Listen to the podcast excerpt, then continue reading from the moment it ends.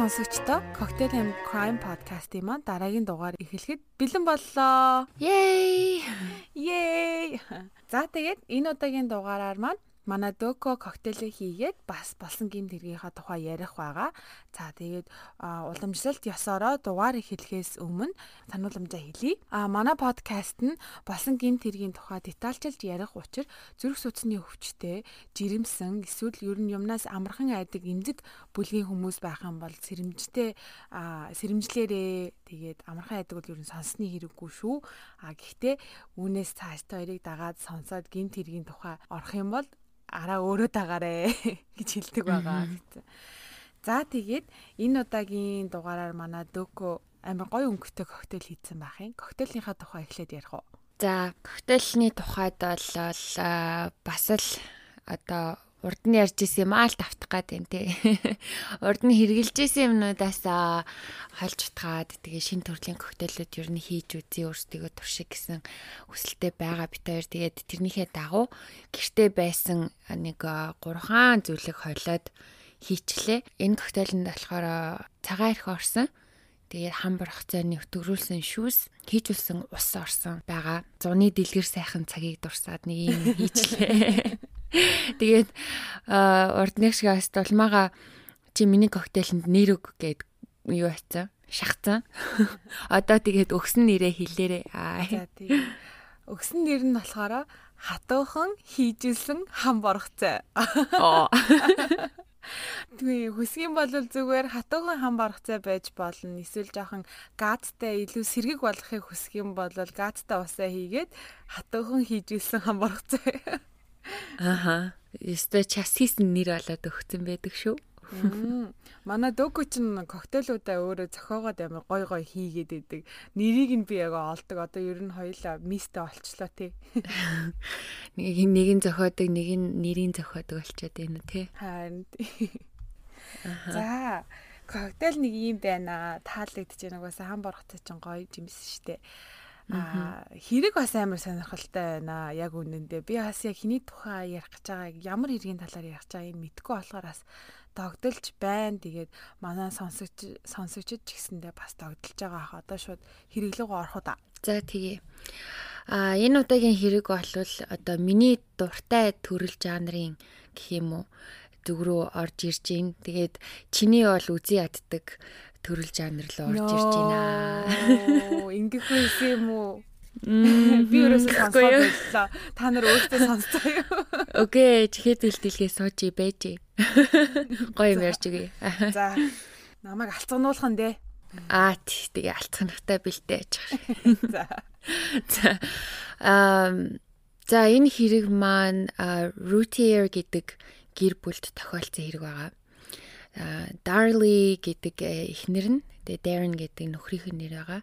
Энэ хоёр маань Америкийн нэгдсэн улсын Пенсильвани мужаас гаралтай. Тэгээ гурван хөөрхөн хүүтэй ийм хосууд байсан. Дарли болохоор 1970 оны 1 сард төрсөн. Darren болохоор Дарлигаас 2 ах юм байна л да. Тэгээ тэр хоёр маань Дарлиг 15 настай. Тэгээд Darren өөрөө 17 та байхдаа анхудаа танилцаад тэгээ анхны харцаар би биндээ дурлсан юм бэлээ амир хөөрхөн. Darren болохоор Darley ээжтэй хамт нэг ресторанд ажилладаг байсан юм байна. Darley тэг ээж дээрээ ирэхэд нь анхудаа хараад Тэгээд жан жан жан болсон юм гинэ. Тэгээд а танилцаа тэр хоёр удаагүй 1988 онд гэрэлтэй батлуулаад тэгээд 89 онд гэхэд анхныхаа хүү болох Дэвин үлгээд авсан юм байна. А 2 жилийн дараа буюу 1991 онд дунд хүү болох Дэймон төрөөд 1995 онд баг хүү болох Дрейк мэндэлсэн юм байна лээ. Тэгээ эдний гэр бүл айгу хөөрхөн онцлогтой санагдсан. Бүгдээрнгийнх нь нэр, тавуулангийнх нь нэр нь Дэвс гэрхэлсэн байгаас тээ. Тэр нээр хөөрхий санагдсан. Тиергийнхэн болохоор Texas мужийн Dallas хот руу бүгдээрээ нүүгээд тэгээ голын ирэг дээр э, маш том амар гоё хаус бариулаад завь аваад нөхөр нь болохоор тийм ягвар загварын машин аваад нилээн тийм чинэлэг ер нь мөнгөөр бол ямар ч хэсэн дутдгүй гэр бүл байж л дээ. Darren их нэрийгээ бол маш их эрхлүүлдэг, эрхлүүлэх дуртай. Дандаа хүссэн юм ин авч өгдөг, зөндөө том том тийм хүний нүд унахуд тийм гоёл чимэглэлийн юм авч өгдөг. а бас нөгөө хөхний хагалгаанд хүртэл оруулж исэн гинэ.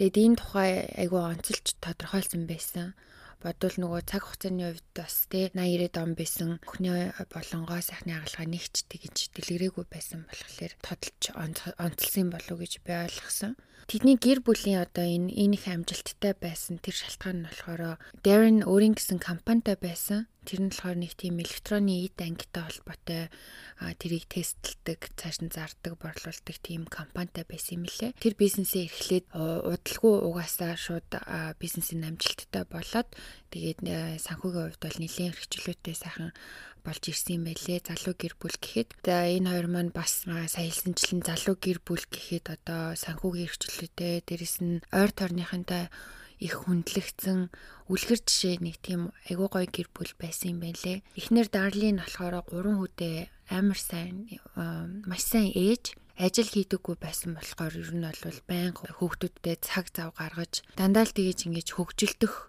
ямыг сэтэж те аль болох хүүхдүүдтэйгээ цагийг айгүй гоё тийм зугаатай өнгөрүүлэх гэж хичээдэг тийм айгүй хаппи гэрээцэгтэйсэн юм байна лээ. А ойр хавтаа амьдардаг хүүхдүүдтэй ч гэсэн тий одоо хуршаалын хүүхдүүдэд ч гэсэн жигнэмэг энтер хийж хүртэл одоо аваачж өгдөг айгуу тийм сэтгэлтэй гэх юм уу? Айгуу тийм хүүхдэд хайртай эмхтэй байсан. Тэр хоёр маань бас тийм хорт тавдартай хүний байрны зээлийг хүртэл төлөвлөж мөлцдөг ер нь их тийм айгуу өглөгч сайхан гэр бүл байсан юм байна. За тэгээд 1996 оны 6 сарын 6-нд Рутиерийн гэрийнхнийг оронгоор нэргүүлсэн нэг тийм хэрэг болсон. Юу асан гэхлээр шөнийн 2 цаг 31 минутанд түргэнд дуудлага ирсэн. Тэр нь Дарли байсан. А тэр дуудлага нь ер нь бол амар хэвгүй. Эвгүй гэдэг нь одоо маш их сэтгэл хөдлөлттэй байсан л да. Тэгээ нийтдээ тэр дуудлага 5 минут 40 секундын урттай яг энэ доор тайлбар тавьдаг хэсэгт тэр дуудлагын холбоосыг нь тавьчих Тэгээ та хэд маань яг одоо бичлэгээ зогсоож агаад тэр холбоосоор ороод сонсчоод ороод ирэхийг хүсэж байна.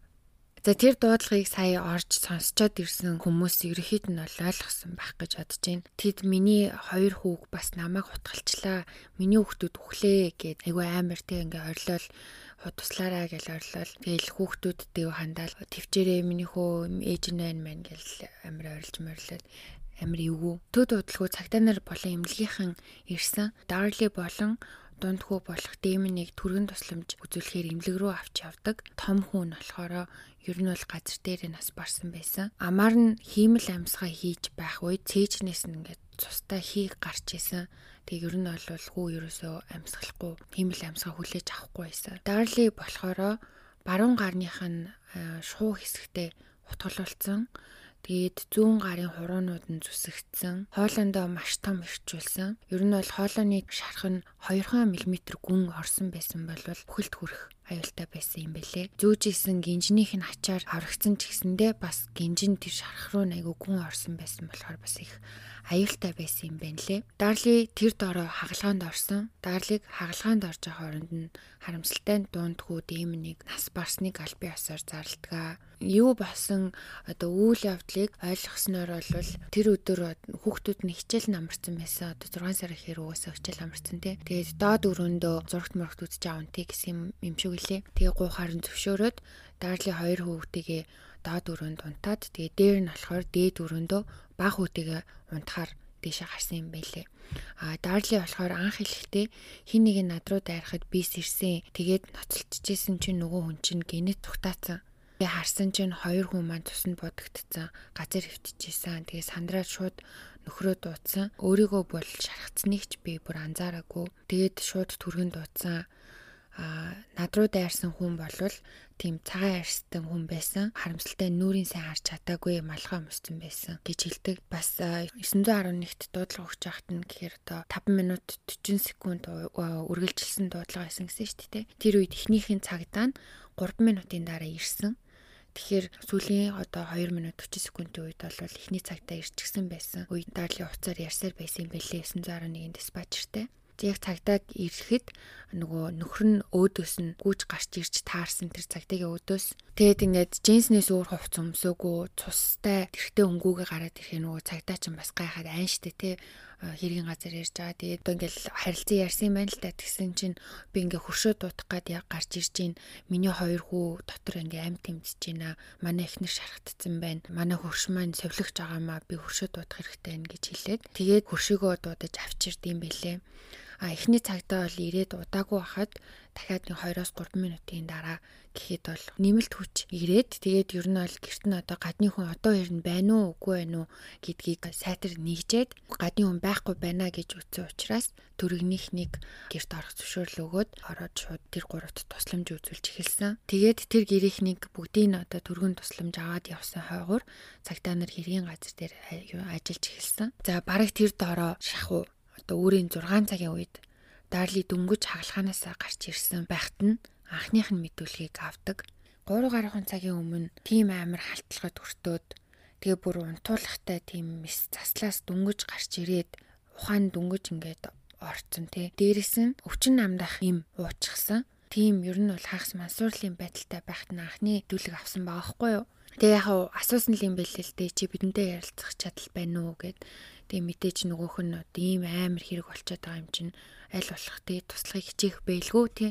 Тэгээд өөрөө ч гэсэн зөвшөөрсний үндсэн дээр анхныхаа мэдүүлгийг эмнэлгийн орон дээрээс өгсөн. Дарлигийн хэлснээр бол урд нь хэлжсэн шиг тий гадны өмнө дайрсан тэр хүн хар цамцтай байсан сарвчтай малгай өмссөн байсан тэгээ мөрөө хүрсэн урт үстэй цагаан ярьстай хүн байсан гараж руу гарч зугтсан гэж хэлдэг тэрнээс хойш хэд хоногийн дараа ахаад мэдүүлэг авсан юм бэлээ Гэвч нэг том зүйл зөрдөг. Тэр нь болохоор урд нь одоо гадны хүний халтлагаар сэрсэн гэж хэлсэн штэ тий. Над руу хүн дайраад би сэрсэн гэн.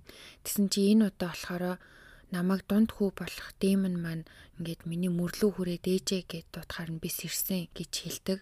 Тэгээд дөнгөж сэрээд хөлнийхэн тэнд танихгүй зогсож байгааг анзаараад тэгээ боссон чинь тэр хүн нь зүгтаах гээд тэгээ араас нь хөөсөн. Тэгээд галтгооныхын тэр хавьд нь нөгөө үнэн нь эргэж хараад гинт дайраад тэгээд одоо тэр дарлыг одоо хутгаар зүсээд хичээ зүгцэн гэж мэдүүлгээ өөрчилдөг байхгүй.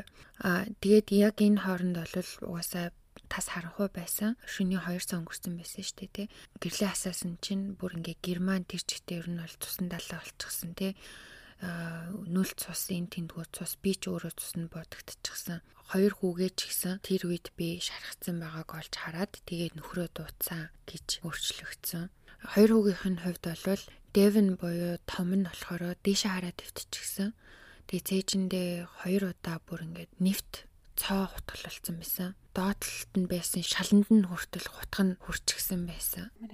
Дэвин хүү олвол угаасаа яг тэр доороо нас барсан юм бэлээ. Утга угаасаа зүрхэнд нь нэвт орсон учраас ямар ч одоо бүр нойрносоо ч сэрч чадалгүй тэр шууд амьсгалуурасан. Харин дэм нь болохоор 6 удаа нуруундаа утгалуулсан. Уушиг болон илгэн гимтчихсэн байсан. Ойролцоогоор 8-9 минут л ер нь бол амьд байсан юм байна л да. Тэрийг бол задлангаар тогтоосон.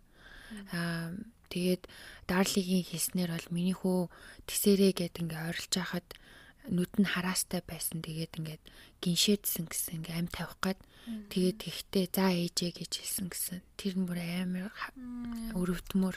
Тэгээд Дарли хийснээр бол тэр бол миний үгийн хамгийн сүүлч үг байсан гэж хэлжсэн. Тэгээ удалгүй хоёр хүүг оршуулсан. Оршуулахдаа бас хоёлынгийн гарын хөтлүүлээд Тэгээд нэг авсанд хийж оршуулсан юм бэлээ. Оршуулга болсон өдөртөө ойролцоод том хүү Дэвний төрсөн өдөр нь болсон болохоор төрсөн өдрийг нь бас тэрэд тэмдэглэсэн. За тэгээд төрсөн өдрийн газар дээр нь тэмдэглэж байгаа тэр бичлэг бол олон нийтэд тарсан. Тэр бичлэгнээс болж ер нь бол маш их зүйл буруугаар иргсэн болов гэж би ойлгосон. Тэр бичлэгэн дээр болохоор чиний нас орсон ч гэсэн хүүгийнхаа төрсөн өдрийг тэмдэглэж байгаа дүр зураг байгаа юм л та. Гэхдээ хүмүүсийг хамгийн ундууцуулсан юм нь болохоор Дарли бүр ингээд бүр хитрхи аз жаргалтайсан гэж яриад байгаа байхгүй юу? Юу ч болоогүй юм шиг те. Хэдхэн хоногийн өмнө хоёрын хоёр хүүгээ алтаагүй юм шиг. Баахан ингээд шаар маар ингээд тойруулаад үлээгээ тавьчихсан. Гэрүүлийнх нь болон найз нөхдүүд нь цугларчихсан. Тэгээ хамгийн гол нь тэр дүр зураг нь болохоор Дарли амар ингээд богч ажилтсан. Тэгэл инээгээл хаппи те инээгээл инээлтэл. Тэгээ хамгийн гол дургуур гэсэн юмныхын нэг нь болохоор нэг тийм одоо парин дээр нэг юм шүршдэг юм байдаг штэ тий шүршиж тоглодог аа ингээд шүршгэлээр утас шиг юм гарч ирдэг гэх юм уу та. Тим юмыг ингээд хүүгийнхаа шарил дээр ингээд шүршээд тоглоодсан. Тэр дүр зураг бол ер нь бол одоо хүүхэдтэй ч бай, хүүхэдгүй ч бай бүх хүний зөв маш их хүргэсэн юм байна лээ л дээ хүмүүс чинь тэгээс тэ яаж чадчихна гэл тэ би ч ээж хүн би ч аав хүн би бол эзэж ингэж чадахгүй энэ ямар амар аратан бэ тэ дүнгэж хүүхдүүдэд алдчихад ийм амар хаппи тэгээд юу ч болоогүй юм шиг ингээд одоо харинч бүр баяртуул юу тэмдэглэж байгаа юм шиг. Ямар ч энэ хүнд одоо ийм харуулсалгүй нэг нүдэнд нь ч харагдахгүй байх юунд ч харагдахгүй байх үйлдэлт нь ч харагдахгүй байх гэсэн одоо шүмжлэлүүд маш их байсан хүмүүс уулна анхандаа бүгдээрээ л мэдээж тэр гэрээхнийг бол маш өрөвдөж тэгээ бүгд л санаа зовж исэн боловч яг тэр бичлэгийг үзсний дараа бүр масын одоо үзэл бодол бол бүр 180 иргэсэн юм байлээ жижигхэн богино хэмжээний бичлэг хүмүүсийг тэгэж их ундууцалсанд бас нэг зүйл маш их үүрэг гүйцэтгсэн юм болов гэж ойлгосон. Яг энэ хэргийн тухай ингээд энэ тэндээ сонсоод үзээд уншаад байж хахад энэ Сьюзен Смит гэдэг хүүхний хэрэгтэй байн холбож ярьдаг юм байлээ. Яасан гэхлээр Сьюзен Смит гэдэг нэртэй хүүхэн яг энэ хэрэгээс 9 сарын өмнө гисэн билүү дээ. Өөр мужид хоёр хүү нь алав болчлоо хоёр хүүгийн минь нэг хар арьстай хүн машинтай минь хамт ингээ хоёр хүүхэд маань машиндаа сууж ахад машинтай маань хамт аваад зүгтаачлаа. Хүүгийн минь гэрт нь авчруулаач ста нэрээ хүүгийн минь олж өгөөч гэл ингээл олон нийтийн радио телевизээр уйлал баахан ингээл хэвлэл мэдээллийн баг хурал зарлал ингээл уйлж мөлөл байсан. Тэгээд удаачгүй 9 хоногийн дараа өөрөө хоёр хүүхдээ машиндаа суул ингээ бүсэлж бүсийг хийж суулгаж агаад гол руу машинаа живүүлж алсан гэдгээ хүлээсэн юм байна л да. Тэгээд тэр угаасаа одоо өөрөө телевиз радиогоор баахан нэг тусламж ирж гуйцсан байсан учраас аль хэдийн олон нийтийн анхаарал байсан. Яг одоо өөрөө хэрэгээ үлэхт нь бол бас мастол ингээд амар хүрсэн. Тэгэнгүүт оо энэ Дарли чинь энийг дуурайж байгаа Texas-ийн тэг Техас мужийн юу юм биш дээ. Сьюзен Смит юм байна штэ гэж бүр ингээд цололцсон шахуу. Тэгээд хүмүүс бүр амар дургуун үрсэн юм байлээ. За тэгээд удалгүй Дарли Дарн хоёроос ахиж мэдүүлэг авахар цагдаа дээр авчирснаа гинэт Дарлиг баривчлах зөвшөөрлөө үзүүлээд баривчилчдаг. Уг нь бол тэр хоёроос гэрчийн мэдүүлэг авна гэж авчирсан юм байна л да. Тэгээ тэр хоёр болохоор үннээ хэлж байгаа хүмүүс бидэнд угаасаа өмгөөлөгч хэрэггүй бид бол хохирогч гэж үзсэн учраас ямар ч өмгөөлөгчгүй мэдүүлэг өгдөг байсан. Тэрнийхээ дагуу ч гэсэн энэ удаа ямар ч өмгөөлөгчгүй орчихсон байсан. Тэгээд үгийн зөрүүгүй угаасаа Дарлиг баривчлаа явсан юм байна лээ. Баривчлах одоо зөвшөөрлөө үзүүлэхэд нууган Дарли би өмгөөлөгч авъя гэж хэлсэн боловч тэд нэр тэрийг хэрэгсэхгүй шууд баривчлаад авч явсан авч явсан юм байна л да. За яагаад гинт Дарлиг ингээд буруутай гэд баривчлаад аваа явчихваа гэсэн чинь нэгдүгээрт 911-ийн дуудлага их хачин чигтээ санагдсан юм байна л да. За дуудлагыг бүтэн сонссон бол хурууны хээний мөрний тухай хальт нэг ярилцдаг хэсэг байгаа. Тэрэнд ер нь бол маш их ач холбогдол өгсөн юм байна лээ. Тэрэн дээр болохоор нөгөө оператор нь тийж аахгүй юу? Нилээ удаан ярьсны дараа штэ. Оператор нь юунд ч бити үрээрээ гэж хэлсэн чинь Дарли өө тэрний хутг нь ингээд тэнд хөвтөж байхаар нь би аль хэдийн хурцгсэн штэ гэл ингээл орилол ингээл тэгэл угаасаа мэдээж тийм амар юм дунд байгаа хүн чинь одоо ганц ингээл оператортэй яриа сууж авахгүй штэ. Тэгэл цаашаа нөгөө хүүгээ гэж нэг яаж үзэл нөхрөө нэг дуудаж үзэл ингээд айгуу тийм нааша цаашаа юм байгаа байхгүй. Тэгсэн чинь оператор аа зүгээр зүгээр it's okay гэдгсэн чинь дарли хурууныхын хэгийг авах боломжтой байсан юм билүү тиймэрхүү үг хэлдэг байхгүй. Гэхдээ нэг тгийж амар миний бодлоош бол нэг тийм амар сүртэй түгээл гэж хэлээгүй хүмүүсийн хэлж байгаа шиг та нар өөртөө сонссон байх гэдэг. Энийг бол ер нь маш их дурдж энэ тухай аягүй их ярьдаг. А энэ нэг шалтгаан болсон гэж үздэг. Тэгээ хоёр хүүхэд нь нүдэн дээр нь одоо амь тэмцэж яхад чинь тэгээ юун тэр хурууныхээ бодох мантай байдаг байна. Ингээ араа бодоод дараа нь угаасаа өөрийнх нь хурууныхээ гарч ирэхийг мэдээд тэгж хэлсэн гэж үздэг. Хоёрдугаар болохоор өгсөн мэдүүлэгт нь зөрүүтэй юмнууд их байсан гэсэн шүү дээ. Яаж сэрсэн тодорхойгүй хүн дайрч сэрээс юм уу эсвэл хүн сэрээс юм уу? бас хутх нь болохоор нэг бол шалан дээр хөвтчихсэн гэд нэг олвол тэр хүн цугтааж ахта ингээд би намайг араас нь хөөж ахт ингээд шидчихэд явсан. Тэгээд яг ингээд шидэж ах явцыг би тэрийг нь харсан гэж хоёр өөр мэдүүлэг өгсөн байна. За 3 дугаарт бол анханасаа л тэр хүн гараж гараашаар ингээд гараа явсан гэж хэлсэн шүү дээ тий.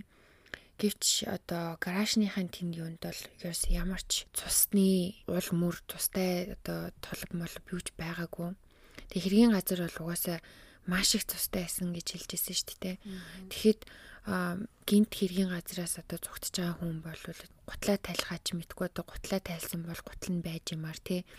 Дөнгүүд яг тэр гуталтайгаа ингээ гараг үүсэн бол цусны мөр байх ёстой байсан боловч гараашинд нь бол ямар ч тийм цустай мөр бол байгаагүй. Дөрөвдүгээрт бол Дарлигийн хэлснээр тэр хүн цаашаа цугтахаар нь араас нь хөөж гүйсэн гэж хэлсэн шүү дээ. Тэгэхэд хэргийн газар хагархай виноны стакан байсан. Тэр хагархай стаканы дээр нь биш доор нь Дарлины цус байсан гэдэг нь бас нэг шалтгаан болж байсан. Энэ болохоор яагаад тэгэхээр одоо Дарлигийн хэлснээр бол Дарли сэрээ тэр залууг хөөсөн гэж байгаа. За тэгээд хөөхтөө урд нь ерөөсөө тийм цусны мөр байгаагүй өрөөрөө буюу одоо галтгоороо гүйцгээсэн байж таарж байгаа. Тэгэхээр тэр залуу эхэлж гүйлээ.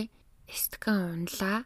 Дарли араас нь гүйлээ гэхэд дарли утгалуулсан болохоор цус нь гожжилаа гэхэд стакан унахлаар стаканы дээр цус нь ингэж одоо урсаж араас нь гүөх ёстой шүү дээ. Тэгсэн чинь Дээр нь ямар ч тус байгаагүй мөртлөө хагархаа стаканых нь доотлолт нь зөндөө цус байсан. Тэгэхээр Дарли худлаа ярьж ийна гэж үзэж байгаа юм байна лээ. Бас нэг сони юм нь болохоор 5 дугаарт галтгооных нь карантны тэр хавыг цэвэрлсэн юм уу да гэмээр одоо ингээ зүгээр нүцгэн ингээ нүдээр харахаар ингээ талт цэвэрлсэн юм шиг харагдсан гинэ. Тэгэнгүүт нь цатанаар нөгөө люминол цацаад үтсэн чинь тэр хавь ингээ битүү гэрэлтчихсэн гэж аахгүй. Тэгэхээр урд нь цус байсан, тэрийг цэвэрлсэн гэдэг нь тодорхой болсон. Тэгэхээр одоо яхаараа энэ одоо гадны хүн орж ирэхээр тэр цусыг хизээдээ цэвэрлээ зогсож явах юм те тэгж болцсон. А 6 дугаар болохоор одоо Дарлины шарах Шархны хувьд бол өөрөө өөрийгөө алгар төссөн байх боломжтой гэж тогтоосон. Хоёр хүн болохоор тий ингэж ихт чигээрээ зоолгоод бүр ингэж нефт утгалуулад бүр доотлын шалан хүртэл ингээд утганд хүрсэн байна гэхэд Дарлиг яагаад зүгээр зүсээд өнгөрвөө гэсэн асуулт гарч ирсэн. Анх буудан дээр унтчихад халтлагад хүрсэн гэж хэлсэн штэ тий. Гэвч одоо буудангийн тэнд бол ямар ч дарлигийн цус нь тэгж халтлага өрцөнд хэмжээний бол байгаагүй. Тэгээд хүмүүсийн таамаг болохоор карантиныхаа дээр зогсож байгаад өөрөө өөрийгөө зүссэн гэж үздэг. Тэгээ дээрэс нь одоо өөрийнх нь тэр шархнууд нь hesitation шарах байна гэж тайлбарлаж ирсэн. Тэр нь юу вэ гэхлээр hesitate гэдэг чинь одоо нөгөө эргэлзэх, хашрах, тэг тэнгэлзэх энэ гэсэн үг шүү дээ. Тэгэхэд өөрөө өөрийгөө гимтэх гэж байгаа хүн зориг нь хүрэхгүй ингэж hesitate хийдэг гинэ. Тэгэнгүүт ингээд нэг жоохон зүсснээ ингээд одоо зориг нь мохдог ч юм уу, эргэлздэг ч юм уу болоод тэгээд дахиад ингээд томоор ч юм уу зүсдэг юм байна л та одоо бүр нэг тийм юм байдаг юм байна л та. Тэгэхээр Darling-ийн шархнуудын хажууд нь том шархнуудын хажууд юм жижиг шархнууд байсан учраас тэрийг өө энэ бол hesitation шарах байна гэж мэрэгчлэлтнүүд тайлбарлаж ирсэн. Долдугаарт болохоор хит хит удаа мэдүүлэг өгөхөд цагдаа нар чи алсан уу гэж одоо асуун штэ тэгж асуухт нь үгүй гэж хариулдаг байсан ч гэсэн нэг удаа ер нь бол би алсан байсан ч гэсэн санахгүй байна гэж хэлсэн нь дараа нь одоо өөрийнх нь эсрэг ашиглагдсан юм байна лээ. 8 дугаарт болохоор гэрлүүн гадны хүн орсон байх болзошгүй гэсэн таамгийг ганцхан юм ер нь бол дэмжижсэн. Тэр нь юу байсан гэхээр цонхных нь торн зүсэгдсэн байсан. Тэгэхээр тэр торыг зүсээд орсон эсвэл гарсан гэж үзэж байгаа байхгүй юу? Тэгэхгүй бол өөр тэр хаалган малган дээр нь ямар нэгэн хаалганы бариул мариул дээр нь цус байгаагүй хүч хэрглэж орсон гарсан одоо тийм зүйл бол байгаагүй. Тэгэхээр ер нь тэр цонхоор л ер нь орж гарсан юм байна гэж үтсэн. Гэвч одоо тэр цонхны тавцан дээрх тоос нь ерөөсө хөдлөөгөө байсан учраас хүн энүүгээр орж гараагүй зүгээр энэ юуныг торын зүсжэл хайчихсан юм байна гэж үтсэн. Гэх мэтлэн шалтгаанаас болж Дарлиг буруутгаад санаатай үлдсэн ер нь бол төлөвсөн аллага байна гэд хэрэгтнэр татаад дээд ял буюу цаазын ял тулгадаг 6-аас доош настай хүүхэд хөнөөс нь тохиолдолд цаазын ял өгч болтгол юм байна л да. Цаазын ял өгөхгүйд цагдаа нарын ер нь бол дунд хүүгийнх нь хэргийг үндэслэж нэг хүний аим хөнөөсөн гэж шүүхтгэр болсон юм байлээ. Том нь болохоор айлуужээ одоо нас орсныхан дараа төрсөн өдрийн тэмдэглэхэд тэр 7 насныхан төрсөн өдөр байсан. Тийм учраас тэр хүүгийн хэрэгээр шүүхдэг юм болвол дарлиг бол цаазаар авах боломжгүй л байсан юм байлээ. Тэгэнгүүт ганцхан дунд түүгийнхэн хэрэгээр явахаар болсон юм байна. Тэгээ бас нэг том шалтгаан нь болохоор нөгөө аллаг үлдсэн утга нь гэр доторх утга байж таарсан. Гэрийн одоо утганы комн дотроос авсан утга байсан жилнүүдийн үдж байгаа бол хүн алах гэж юм уу эсвэл хулгай их гэж гэрт орж байгаа хүмүүс бол мэдээж урдчлан байдлаар одоо зэвсгэлсэн байдаг гэж үздэг штэ тий урдны ирэг дээр ч гэсэн тэгж ярьж байсан. Яагаад тэгвэл өөрөө ингэж бэлтгэлтэй өөрөө өөрийнхөө зэвсгийг авчраагүй юм бэ? Яагаад гэр дотор хутга байна гэдэгт итгэсэн тий? Яагаад тэрийг авч чадна гэдэг тэгсэн ингэж аргумент төвшүүлж исэн. Дээрэс нь бас одоо гэрээс юу ч алга болоогүй учраас хулгайчд бол биш юм байна гэж үтсэн.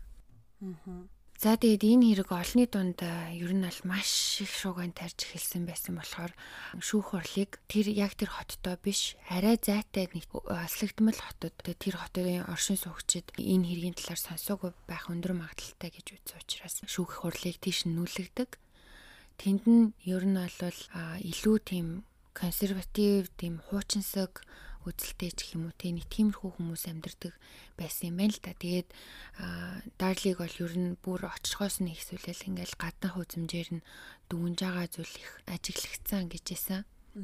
Шараар үсээ бодтоглгийн хөх илгцэн л гин тэ тэр болгоныг ингээл айгүйх шивнэлдэж ярддаг байсан л юм байна л да. Тиймэрхүү зүйл ажиглагддаг байсан гэж байгаа. Дарлигийн өмгөөллийн баг нь бол ер нь бэлтгэл маш муу байсан. Яагаад тэгэхээр маш хурдан хугацаанд бэлтгэлээ хангаж шүүх хуралд орох орох ёстой болсон. Яагаад ийм хурдан хугацаанд бэлтгэлээ хангах шаардлагатай болсон гэхээр Дарли өмгөөллийн бага сольсон анх байсан өмгөөллийн бага сольсон Яагаад тэгэхээр нөгөө өмнөх өмгөөлөгч нь болохоор Дэрнийг ер нь яагаад хүмүүс шалахгүй байна. Дэрнийг нөхрийг нь те сэжигтэн гэ дэвшүүлвэл яасан юм бэ гэсэн санаа дэвшүүлсэн.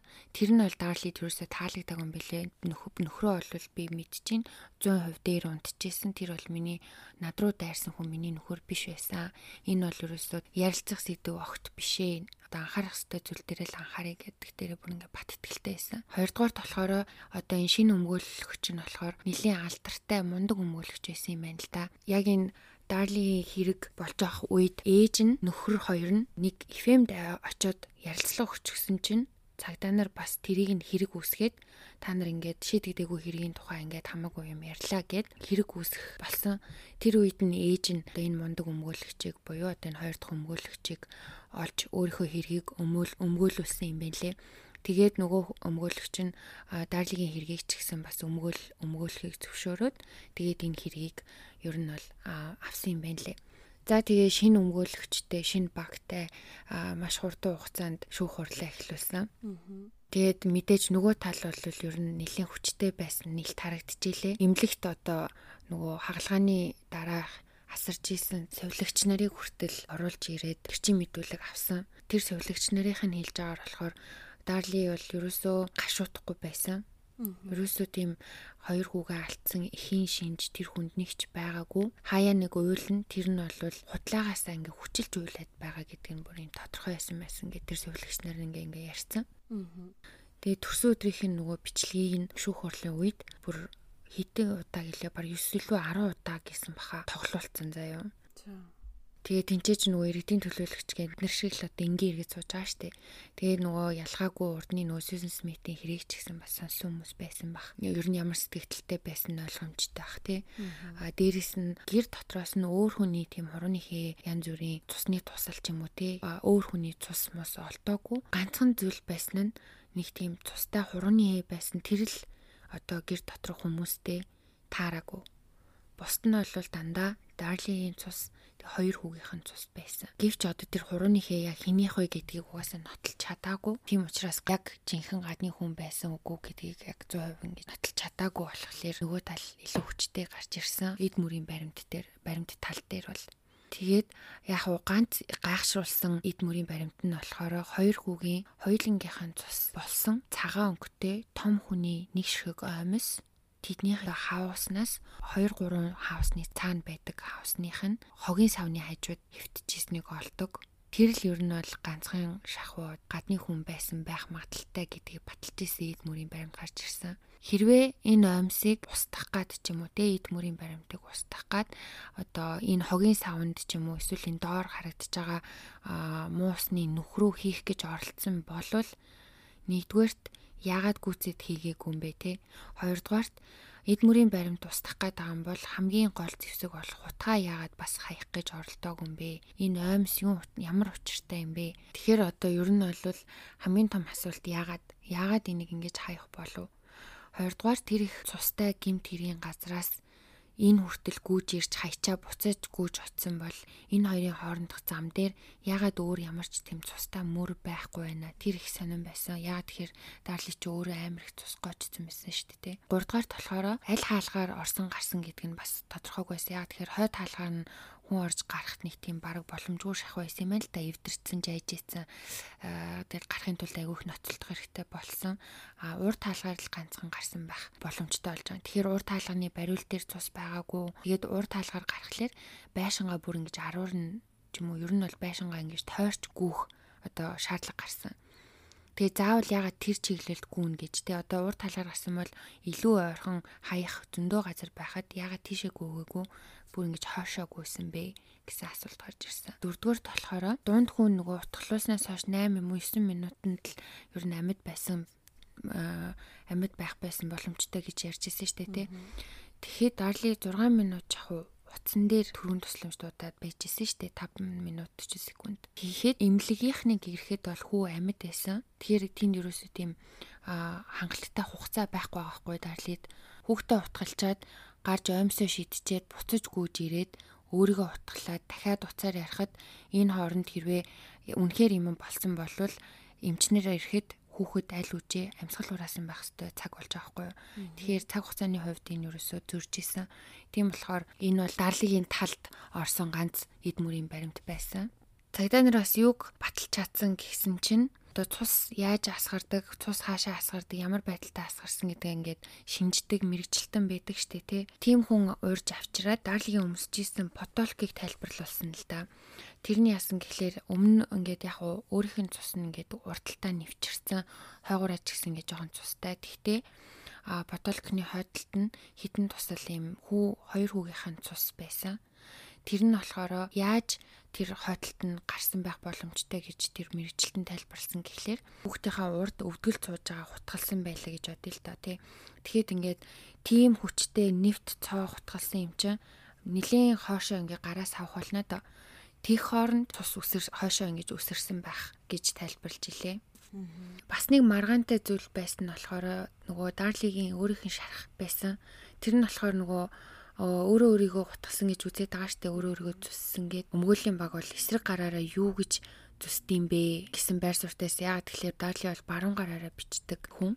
Тэгэхээр баруун гар давмгаалсан хүн бол одоо өөрөө өөрийгөө зүслээ гэж ботход ингэж эвгүй баруун талаа зүсгүй нөгөө эсрэг талаа зүснэ дээ.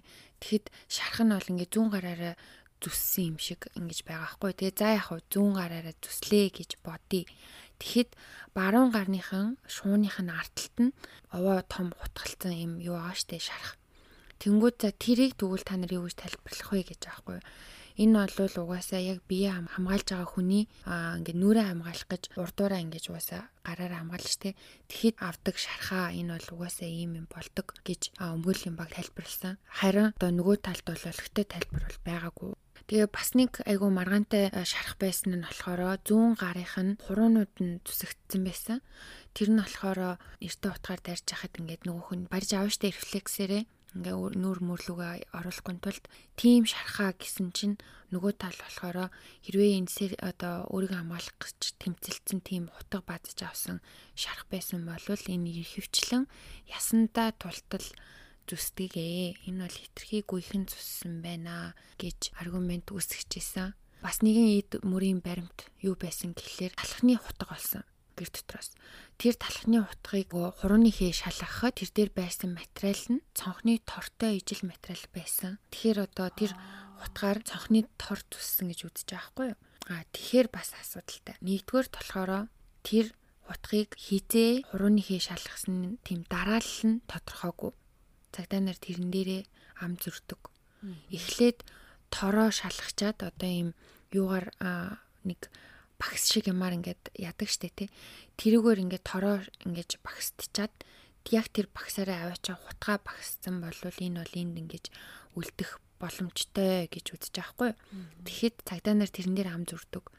Бид нэг болвол одоо тороо шалгачаад хутгаа зүсэн гэдэг. Нэг бол хутгаа шалгачаад тороо шалгасан гэдэг болохоор энэ ийм асуудалтай. А хэрвээ үнэхээр зарим нэг цагдаа нарын хэлж байгаагаар хутгаа шалгачаад тороо шалгасан байлаа гэж үзэхэд үнэхээр тэр хутгаар тэр торыг зүссэн байлаа гэвх юм болвол энэ бол яалтчгүй дарли бас буруутан болчиход байгаа хгүй. Ягаад тэгэхээр ямар ч гадны хүн гэр дотор байгаа хутгаар зүсчээд буцаж аваачиж байранд нь тавиад дахиад шинэ утга аваад ингээ явж байхгүй шүү дээ. Тийм шүү дээ. Тэгэхээр ер нь бол яаж ч утсан дайрлын болчиход байсан. Энэ бүх зүйлсийг гаргаж ирсэн учраас 1997 оны 2 сарын 1-нд Дэминий үхлээр эцсийн байдлаар шүүгдээд буруутай гэж үзсэн учраас цаазаар ахуулах ял авсан.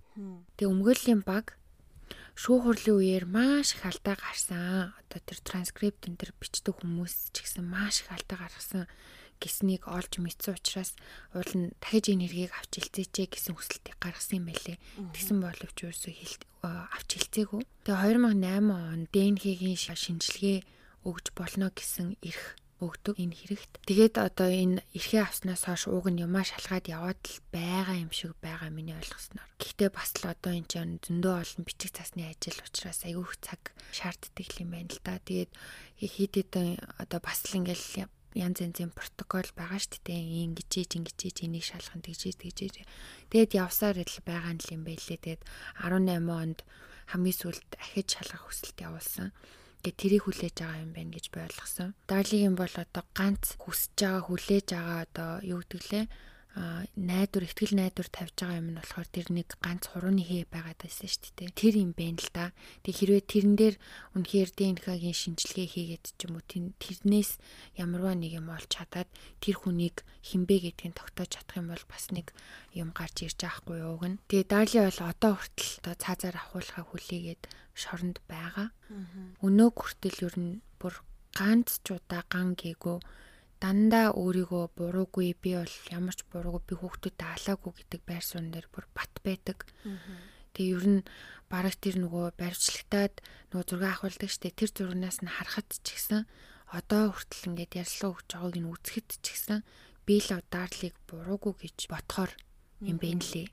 Тэгээд одоо бол надад бол яг тийм тэр буруугүй энэ гэсэн тийм нөгөө өгчгөр тийм олигтой шалтгаан шалтгаан бол алгал байхгүй л юм л да. Гэтэ зүгээр миний бодлоор бол дарли биш байх гэж зүгээр надад мэдрэгддэг. Ер нь бол хүүхдүүдээ алсан ээж хүн мэдхгүй. Тэгээ ямар ч мотивац байхгүй заяо. Ямар ч мотив байхгүй.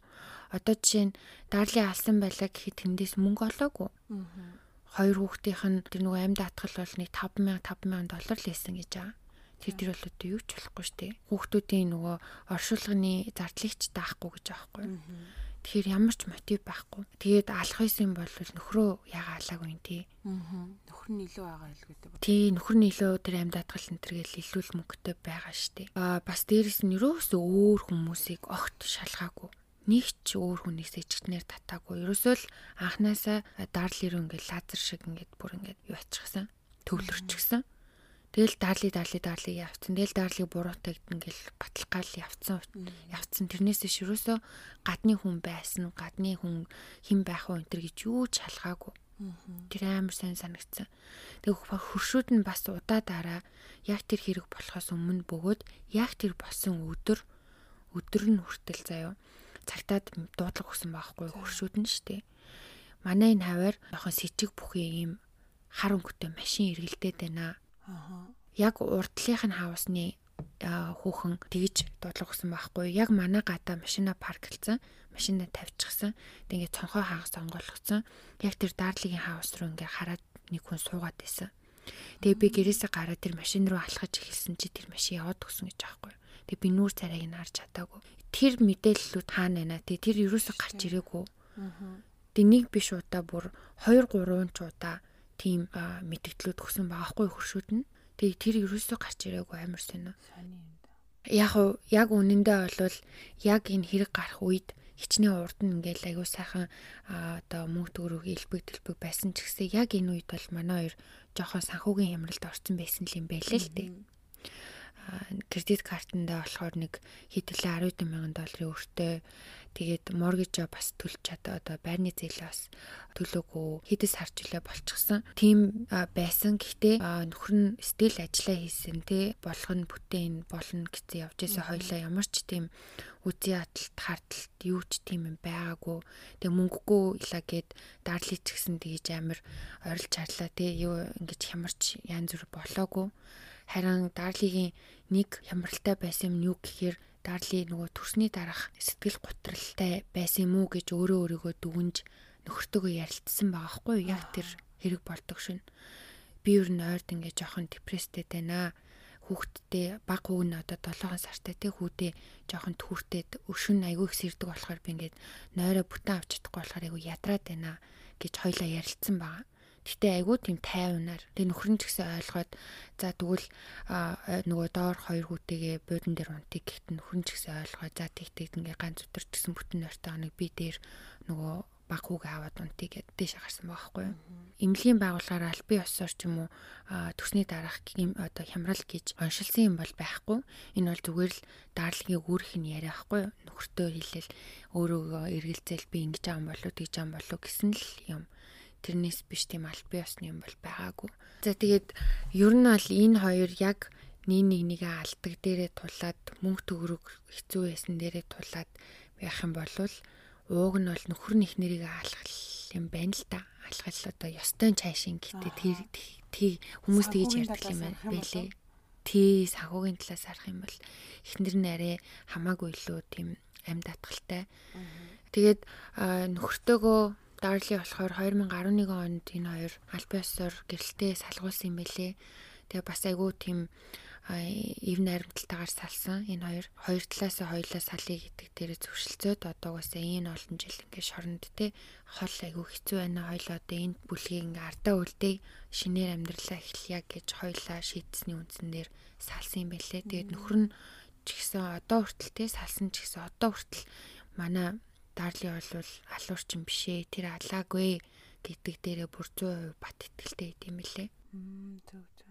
Тэгээд энэ хэргийг уншиж хахад ер нь бол юу юу санагцсан. Цагдаагийнх нь Дарлид арай л шудраг бус санцсан юм шиг надад санагцсан. Тогтчихгоо л үзээд үү? Тийм зүгээр л анханаас нь л ерөөсөө л ингээл ингээл юу атсан тогтцсон.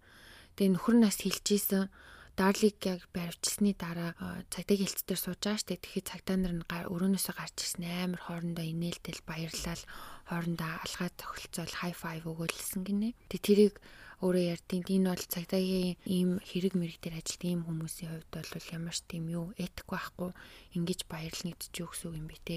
Тэр чин хизээ барьжсэн гэсэн чинь хэрэг болсноос хэдхэн өдрийн дараа штэ. Тэгэхэд яагаад ийм хурдан дүгнэлтэнд хүрээд ийм хурдан ийм амир хүчтэйгээр итгээд ингэж их баярлаад байгаа юм бэ гэдэг тэр нөх айгүйх юу яаж исэн. Тэр тухай айгүйх ярьж исэн. Тэгээ би ч гэсэн санал нэгдэж байна. Цагдаа нар одоо юу вэ? Тим хувийн нэг тим сонин амбиц ч юм уу юм байх болно. Ёсгүй шүү дээ. Хичнээн өөрийнх нь зөв гэж бодож исэн юм нь одоо батлагдсан ч гэсэн тэгэж бас болохгүй л ахalta. Тийш тэр их сонин санагдсан. Гэхдээ яг хуу бас нөгөө ажилдаа бүр амар дуртай үнэнч тэгэл альт баярлсан юм болов. Ууг нь гэхдээ юу биш штэ амар тийм мэрэгжлийн хүн чинь тийм зан гарах ёсгүй шүү ууг нь профешнл байх хэвээр тий. Тий яг үнэ тэгэл этик талаас нэг өгшөмжлөлтэй хандж байгаа хүмүүс их байлээ. Надад гэхдээ амар сонирхолтой санагдаж байгаа бас одоо энэ фактуудаас харахад тэр диван дээр ерөөсөө цус байгаагууд нас амар гайхаад Аа.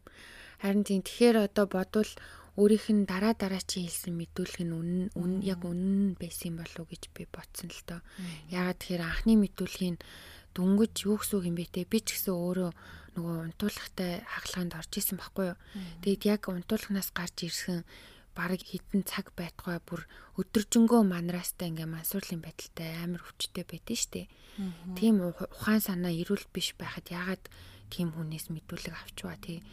Тэгээд тэр үед хэлсэн юмтай зөрж байгаа хгүй юу. Дараа нь яг хэлэхдээ одоо хүн сэрээгээд тэгээд нөгөө хүний харч араас нь явсан гэсэнтэй бол яг таарж байгаа нь тэр диваны цус яасан гэхээр диван дээр хүүгийнхэн цус байсан хүн бол утгалуулсан маа штэ. Тэгээд ингээд диванаас ингээд базаж гэх юм уу диванаас татаж өөрийгөө босгосон байхгүй. Тэр үедээ диван дээр цус алгацсан. Тэгээд Дарли сэрээд цаашаа явхаар угаасаа Дарлигаас тус гарахгүй штэ. Тэгээд дараа нөгөө нэг тэр галтгооныхын тэр хавьд ноцолцсон гэхээр тэнцээ төсөөлсөн байдал болж таарж байгаа хгүй тий. Тэгэхээр яг хуу дараагийн хэлсэн мэдүүлэгтэй нь бол таарж байгаа. Өмнөхтэй нь бол биш. Аа. Ингээд алцсан болоод байдیں۔ Тэр амар сонирхолтой одоо тэгэл тэр гар хөллийн зүссэн байдал тий өөрийгөө яаж одоо хоолоогоо хэрчгүү тэр мэрийг ингээ хараад ингээ шинчээр бас гүч юм шиг тэгээ бас өөр тэр одоо гаднаас орж ирсэн ирээгүү тэр цонхны нөгөө нэг тоор урагдсан байдал майдал тэгээд гараж руу гарт гисэн мөртлөө гараж нь болохоор ямар ч тийм цустай готлын одоо нөгөө нэг уул мөр байхгүй. Тэгснээ нэг ширхэг цустай аймаас олцсон. Амар хачралтай юм аа Тэгээ бөө сенсац болсон нөгөө бичлэг байна штэ хүүгийнхэн төрсөдрийг тэмдэглэж байгаа бичлэг. Тэр бичлэгийг тэгж амар цацчаад хамгийн гол нь одоо нөгөө хүүхдүүдийн аль бие усны оршуулгын үеийн бичлэгийг ерөөсөө тэгж үзүүлэг байгаа байхгүй юу? Харваас хүн болгоо ингээл уйлал амар давис дээрээ бүгдээрээ ингээл гашуудаал амар дүр зураг байгаа байхгүй юу?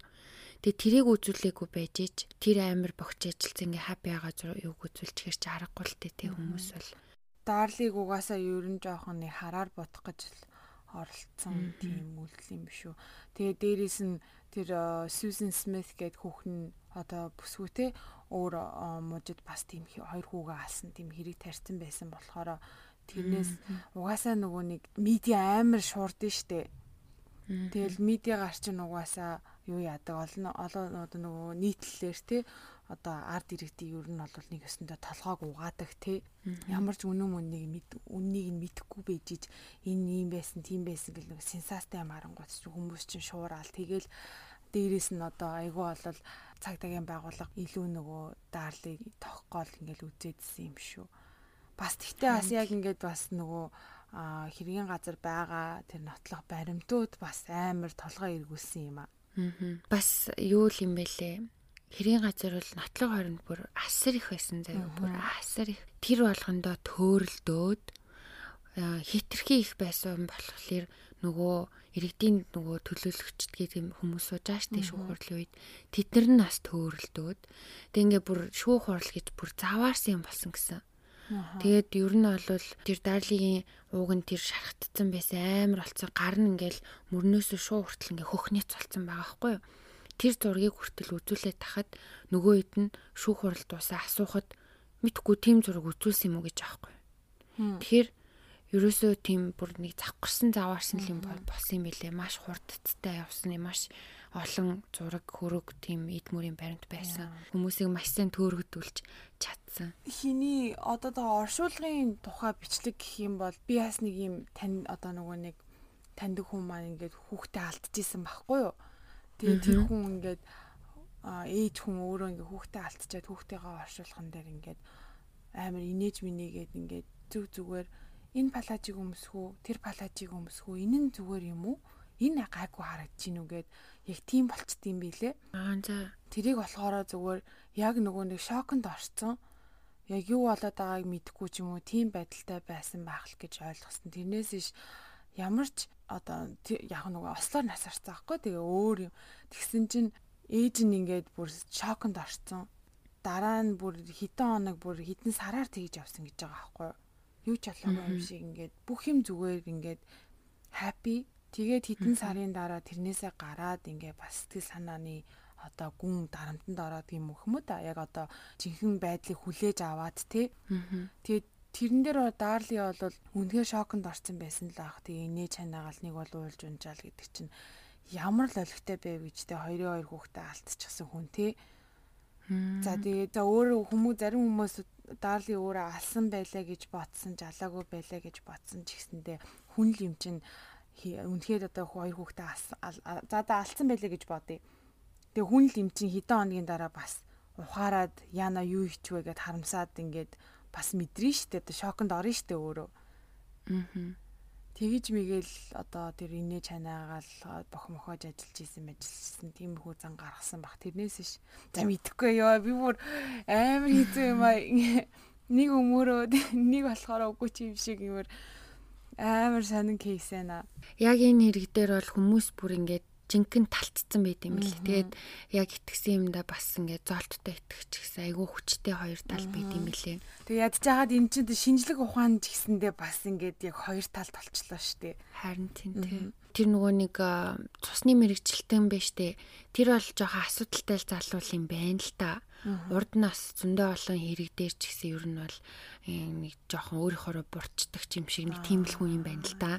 Тэгээ тэрийг ядчихэл ууг нь өөр хүн орж ирээ бас ингээд нэг бол баталгаажуулаад нэг бол одоо бас одоо мэтгэлцэх хэрэгтэй штэ. Даанч юусоо тийм юм байлаагүй. Тэгэхээр ерөөсөө л тэр хүний хийсэн үгээр явцсан байгаа хгүй цусны хувьд бол Тэгээд э, чи түрүүн бас хэлсэн шүү дээ хүн шоконд ороод яхаа мэдгээ болчдөг гэд.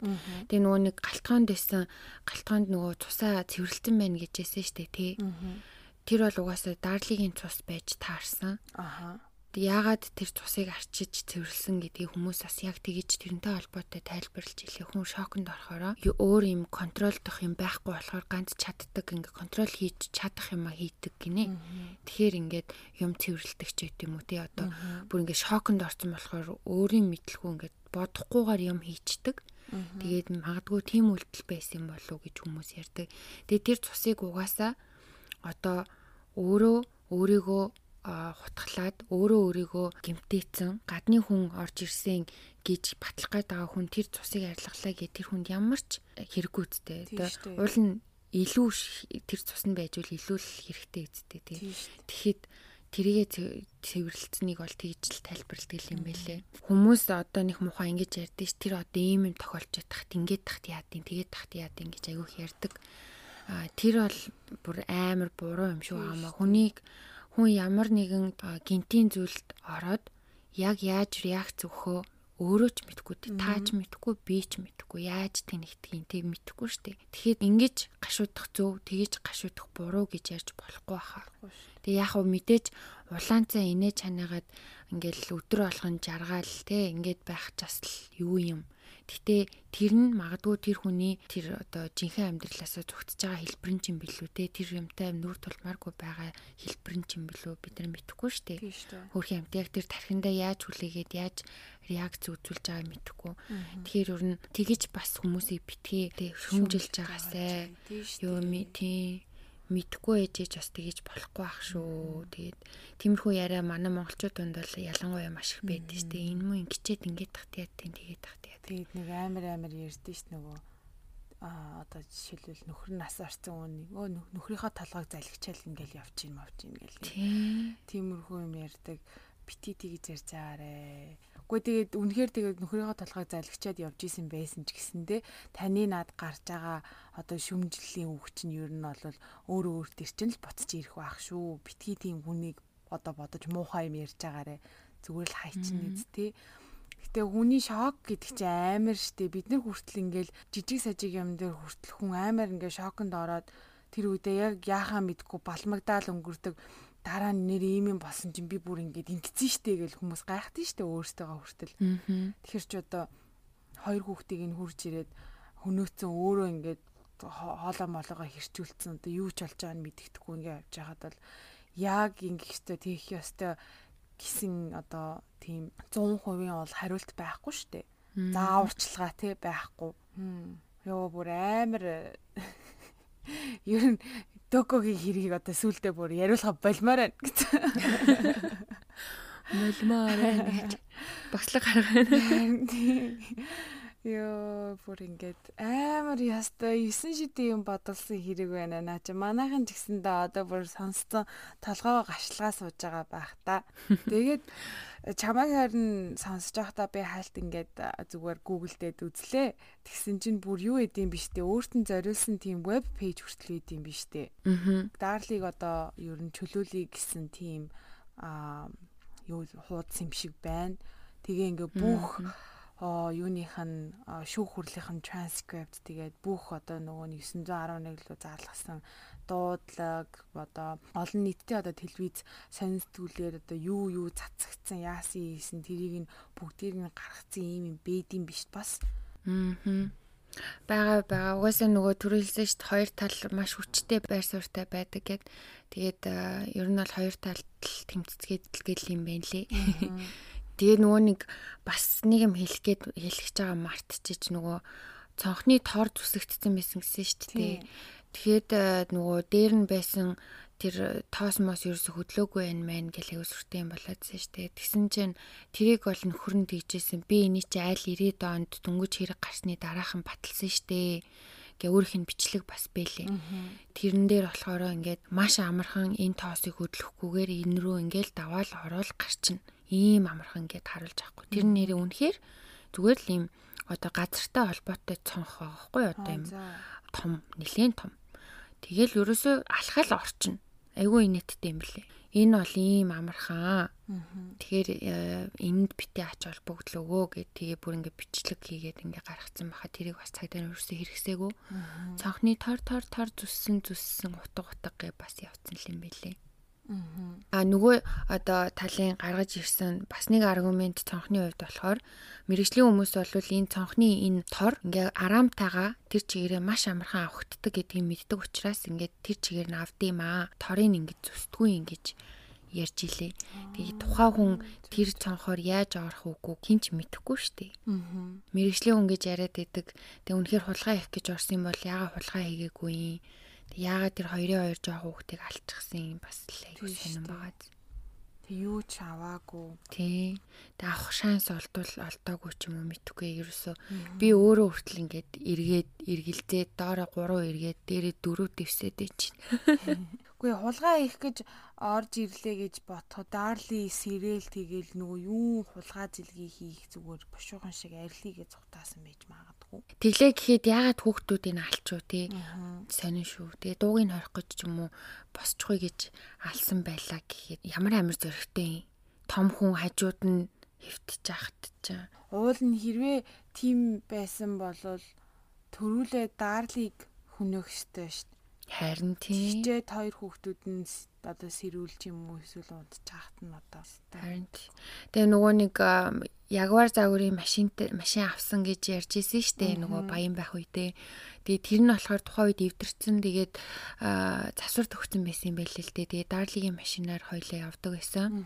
Ээлжлээд. Тэгээд нөгөө нэг гадны хүн гэдгийг яагаад дэмжигж байгаа вэ гэхлээр бас нөгөө яг нөхөр нь гэртээ байхгүй байх гэж бодсон уу яасан. Зүг зүг. За нэг иймэрхүү кейс би тэг боддөө ш таяа ингээл явж явж ийсэн аа. Гинт бүр амар олон жилийн дараа би тэгсэн юм аа гэл гараад ирэх бол. Яа. Одоо нөгөө хиний бас Джон Бенэ охин Бенед охины хэрэг вэ те. Тэр мөрөн дээр гинт гараад ирэх болоо гэд сүүлд бас чиний ярьж исэн нөгөө хин биштэй Golden State Killer. Тэр шиг бас амар олон жилийн дараа хэргийн учир тайлагдах болов. Харин ч одоо энэ э, ДНХ-гийн шинжилгээг л хүлээцгээж ах шиг байна. Би тэгж ойлгосон. Тэгээд тэрийг л одоо хүлээндээ хэдүүлээ. Тэр хизээ нэг өдөр өө нөгөө эрх чи ийм болчлоо гэд бас нэг дугаар хийж явах болов гэж бодож байна. Йоо. Тэг маш сонирхолтой хэрэг байна документээ. Яах гэж намайг ингэж ер нь зовоож идэв. Ингэж зовоогоод ах чи аргалтай ч байдгийн юм уу чамд одоо хайшин. Өөрөө жоохон бас нэг жоохон садист матист үгүй юу гэсэн. Тэгээ нөгөө нэг урд урд нь би чинь бас нэг иймэрхүү хэрэгүүд хийх айгаа дуртай штэ. Тэгээд урдны нэг алин дээр нь жилээ нэг комент би уншсан юм а. Тэгсэн чинь энд гаргаж ирж байгаа дэвшүүлж байгаа энэ нийт мөрийн баримтуудынхаа үүсгэлийг яагаад ярьж өгөхгүй байгаа юм бэ? тэрийг хэлэхгүй юм бол яах гэж энийг анаас нь хэлдэм мэлдэм гэсэн комент байсан. Би тэг уншичаад энийг хийх гэж бит хоёрт ямар цалин өгдөг биш. Тгийж мань хоёроо загнаад яах вэ гэж. Тэгээ өөртөө үнэхээр сонирхолтой олж мэдмээр байгаа бол тэгээд интернет гэдэг зүйл бүх хүмүүст нээлттэй байна. Ухаад үзээрэй. Гэтэ бид хоёр ч угаасаа хамаг хэрэгтэй ингээл чухал гэсэн юмыг нь орчуулаад ингээл ярьж байгаа шүү дээ. Яг уу хэрэггүй ч бид хоёрын хувьд хэрэггүй бусад хүмүүс хэрэгтэй гэж батсан мэдээлэлд бол зөндөө байж магадгүй. Гэтэ яг уу сонирхоод цаашаага ухаж түнхөд үзэхэд бол юу сайхан дур сайхан шүү дээ. Тэгээ өөртөө чи бит хоббигоороо хийж байгаа шүү дээ. Одоо яах гэж ингэж. Тест үнэхээр сонирхолтой кейс байлаа. Маш их баярлалаа дөөкөө минь. Одоо мэдгүй чамд яг үнэндээ би баярлаад байгаа юм уу, баярлаагүй юм мэдэхгүй байна. Одоо чи тэгэл энэний одоо гүн нүхэн дуунаа шүү дээ. Одоо өөрөө хайгаад. Би тэгтээ тэр нөгөө Susan Smith гэдэг эмэгтэй тухай мэддэг байхгүй тэр хүний кейсийг болол бидний хальт нэг яри гэж бодож ийсэн аа яг үнэндээ бол нэг амар тийм а одоо юу хиймдэ мүлжлэггүй мүлжихэн байхгүйсэн аахгүй тийм тийм болохоор заа заага хайцсан тэр кейсээс сая дурдгдсан чинь. Гарлигийн хэрэг Сьюзен Смит бас нэлээд том дүр тоглосон байх гэж би бол харж байна. Нэг удаагүй өмнөх нь болцсон байсан болохоор тэгээ хүмүүс чинь бас нэг юм гараад ирлээ мэлээ. За за. Тэгээ манайхаа одоо юу гэж бодож гин надтай адилхан дөөкөд жоохон гомдож гин ууралж гин үү яаж гин эсвэл эсвэл манай дөөкөө шиг дөөкөө шиг бас ингээд очиг нь олж жанцныг нь тайлах гад ингээд дуртай байдیں۔ байна уу. За ямар ч байсан таалагдсан байх гэж байх ч гэж би таалагдсан гэдэгт бол ер нь ихтгэлтэй байна. Энэ хэрэгтэй холбоотой зураг хүрэг бичлэгийг манай Instagram болон Facebook-аас харж болно шүү. Ороод лайк дараа фоллоу хийгээрэй. А мөн YouTube сувгийнхаа бичлэгийн доор description хэсэг дээр бит хоёр одоо нөгөө 9 шидийн бичлэгийн линкийг оруулсан байдаг шүү. Тийшээ ороод сонирхоод манайхан өөрсдөө дуу хоолойг нь сонсоод царай зүсийг нь хараад дүгнэлтээ бас хийгээрэй гэж хэлмээр байна.